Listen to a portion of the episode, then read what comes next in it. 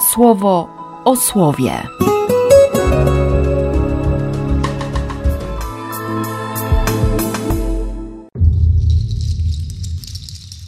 Dwudziesty piąty czerwca, piątek. Z Księgi Rodzaju. Kiedy Abram miał dziewięćdziesiąt dziewięć lat, Pan ukazał się Abramowi i rzekł mu: Ja jestem Twoim Bogiem. Dbaj o to, bym był z Ciebie zadowolony, sprawując się nienagannie, a ja zawrę przymierze między mną i Tobą i bardzo Cię rozmnożę. Na to Abram upadł na twarz, a Bóg takie do niego skierował słowa: To jestem ja, a moje przymierze z Tobą jest takie: staniesz się ojcem wielu narodów. Nie będziesz już nosił imienia Abram, lecz Twoim imieniem będzie Abraham, bo ja już ustanowiłem Cię ojcem licznych narodów. Dam Ci naprawdę niespotykaną wielkość, wyprowadzę z Ciebie różne ludy, od Ciebie pochodzić będą królowie. Ustanowię przymierze między mną i Tobą i Twoim potomstwem po Tobie przez kolejne pokolenia, jako przymierze wieczne. Także będę Bogiem Twoim, a po Tobie Twojego potomstwa Dam Tobie i po Tobie Twojemu potomstwu ten kraj, żebyś go zasiedlił, całą ziemię Kanaan na wieczne posiadanie. Będę dla nich Bogiem. I Bóg tak jeszcze rzekł Abrahamowi: Ty natomiast będziesz przestrzegał przymierza ze mną, ty sam i po tobie twoje potomstwo przez ich kolejne pokolenia. A takie będzie to przymierze, którego ty będziesz przestrzegał, przymierze między mną a wami i po tobie twoim potomstwem przez ich kolejne pokolenia każdy wasz mężczyzna ma zostać poddany obrzezaniu. To obrzezanie cząstki waszego napletka będzie znakiem przymierza między mną i wami. Chłopiec ma zostać przez was obrzezany, gdy ma osiem dni, każdy płci męskiej w kolejnych waszych pokoleniach, a także urodzony w twoim domu sługa albo nabyty od jakiegoś cudzoziemca za srebro, który nie należy do twojego plemienia. Obrzezaniu zostanie poddany urodzony w twoim domu sługa lub nabyty za srebro a to przymierze ze mną, mające znak na waszym ciele, będzie przymierzem wiecznym. Każdy mężczyzna nieobrzezany, czyli ten, który ósmego dnia nie został poddany odcięciu cząstki swojego napletka, ma zostać usunięty ze swego rodu. Odrzucił on bowiem przymierze ze mną. Bóg powiedział do Abrahama: Saraj, twoja żona, już nie będzie się nazywać Saraj, ale nosić będzie imię Sara. Będę jej błogosławił i dam ci z niej dziecko i jemu będę błogosławił, tak że z niego powstanie naród. Od niego też będą pochodzili królowie różnych ludów. Abraham padł na twarz, ucieszył się, ale w swych myślach rzekł sobie: Czy stulatkowi może się coś urodzić? Czy dziewięćdziesięcioletnia Sara może jeszcze powić? Więc Abraham rzekł do Boga: Niech przynajmniej Izmael cieszy się w swoim życiu Twoją obecnością. A Bóg rzekł do Abrahama: I owszem, Także Sara, twoja żona, urodzi ci syna. Nazwiesz go imieniem Izaak. Zawrę z nim moje przymierze jako przymierze wieczne i po nim z jego potomstwem. A co do Izmaela, to właśnie wysłuchałem cię. Już mu udzieliłem błogosławieństwa. Zrobię go wielkim i bardzo licznym. Zrodzi on dwanaście plemion. Uczynię go wielkim narodem. Ale przymierze ustanowię z Izaakiem, którego urodzi ci Sara w przyszłym roku o tej właśnie porze. Na tym skończył z nim rozmowę. Potem Bóg odszedł od Abrahama. Z Ewangelii według świętego Mateusza. Kiedy zszedł z góry, podążyły za nim wielkie gromady. Zbliżył się wtedy pewien trędowaty, pokłonił się mu i prosił: Panie, jeśli ty zechcesz, potrafisz mnie oczyścić. Wyciągnął więc rękę, dotknął go i powiedział: Chcę, stań się czysty i natychmiast jego trąd ustąpił. Jezus powiedział mu: Uważaj, nikomu nie mów, ale idź, pokaż się kapłanowi i złóż dar, który nakazał Mojżesz. Niech to będzie dla nich świadectwem. Abram ma 99 lat, żona praktycznie świętuje już dziewięćdziesiątkę i przychodzi Bóg, który mówi: Pamiętam, pamiętam, co obiecałem to się spełni. Rozszerzę ci trochę perspektywę, wam rozszerzę tę perspektywę. Trochę skoryguję, dokonam pewnych korekt w waszym życiu. Już nie Avram, a Abraham. Właściwie chodzi tutaj tylko o wokalizację.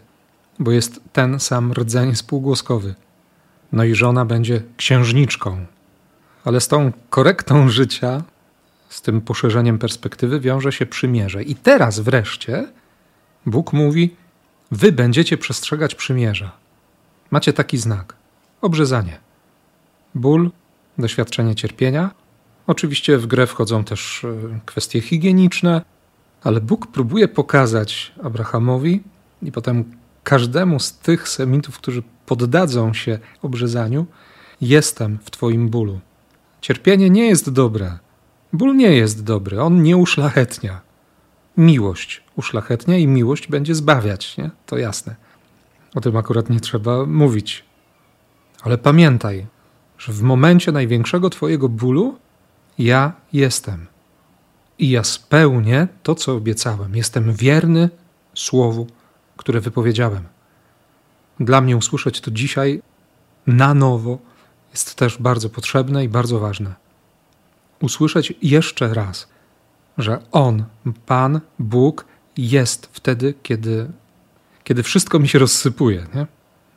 kiedy cierpię, kiedy, kiedy nie widzę sensu, kiedy rzeczywistość mówi mi, to niemożliwe. Trudno się dziwić, że Abraham zareagował śmiechem. Ucieszył się, no uśmiechnął się. To mógł być też taki uśmiech dystansu, może trochę rozgoryczenia, albo po prostu te emocje, no już nie wiadomo, co zrobić, to się człowiek zaczyna śmiać. W swoich myślach mówi: Stulatkowi może się coś urodzić. No chociaż Izmael już ma 13 lat, chłopak już dorasta, niech się cieszy Twoim błogosławieństwem, Twoją obecnością. A Bóg mówi: Tak, oczywiście, ale, ale obiecałem i dotrzymam słowa. I odszedł. Jutro przyjdzie znowu. ale, ale jutrzejsza lektura 18 rozdziału Księgi Rodzaju będzie dopiero jutro. Abraham musi jeszcze trochę poczekać. Ale obietnica już jest konkretna. Nawet ma termin. Jest termin porodu. Za rok, o tej właśnie porze. Bo jeśli Bóg coś obiecał, to słowa dotrzyma. Nawet jeśli się wydaje, że będę czekać na to spełnienie całe swoje życie. Może to było takie życie, które, które rozsypywało się przez palce, o ile te palce jeszcze miał, ten trendowaty, który przychodzi do Jezusa. Powinien stać z daleka i krzyczeć: nieczysty, nieczysty, a ten po prostu podchodzi. I to jeszcze w tym momencie, kiedy Jezus właśnie skończył to swoje expose, tłumy zdumione całą nauką, bo mówi jak ten, który ma władzę. Nie podpiera się żadnym autorytetem, mówi o relacji, już mówi o relacji z Bogiem, pokazuje o co chodzi Bożemu sercu, co Bóg miał na myśli, kiedy dawał prawo, a co człowiek źle zinterpretował albo nadinterpretuje i potrafi Boże Słowo, żywe Słowo, tak obwarować prawami, przykazaniami, nakazami, zakazami, że, że Bóg nie ma wolności. Jezus odkrył pragnienia serca. I pierwsze spotkanie, pierwsze spotkanie to spotkanie z trędowatym. Bóg powiedział, że chce kochać, i momentalnie przychodzi człowiek, któremu wszystko się rozsypuje. Zgniłe życie, rozpadające się ciało, psychika i dusza też w rozsypce. I jeszcze to, Panie, jeśli Ty zechcesz, potrafisz mnie oczyścić. Wiadomo, co on miał w głowie. Tu nie było żadnego, jeśli Ty zechcesz. Po prostu chcę, daj, potrzebuję tego. Chcę żyć. Jego chcę tak poruszyło serce Jezusa, że zanim wypowiedział słowo, już go dotknął. Chwycił go, nie? złapał to życie i mówi: Chcę, stań się czysty. I to się stało. Jakby nowe stworzenie. Wypowiedział słowo i stało się.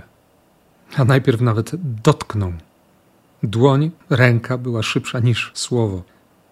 Ale jednocześnie mówi: Uważaj, nikomu nie mów, idź, pokaż się kapłanowi, złóż dar, który nakazał Mojżesz. Niech to będzie świadectwem. Księga Kapłańska, 14 rozdział. To jest miłość. Nie było pustego gadania. Jezus robi to, o czym mówi i mówi o tym, co chce zrobić. Żadnej sprzeczności, wręcz sprzężenie zwrotne. Byleby się to Jego chce spotkało z Twoim czy moim. Chcę, chcemy. Od razu miałem w głowie dzisiaj od rana: chcę z Bożą pomocą. Tak mi się moment święceń przypomniał. Nie wiem, co się Tobie przypomni, ale wiem, że bez względu na stan rozkładu czy rozpadu, planów, pomysłów, życia, może ideałów też, on wyciąga ręce, żeby to wszystko złapać i jemu to z rąk się nie wyślizgnie. On tego nie upuści. On nie straci. Nie chce Ciebie stracić.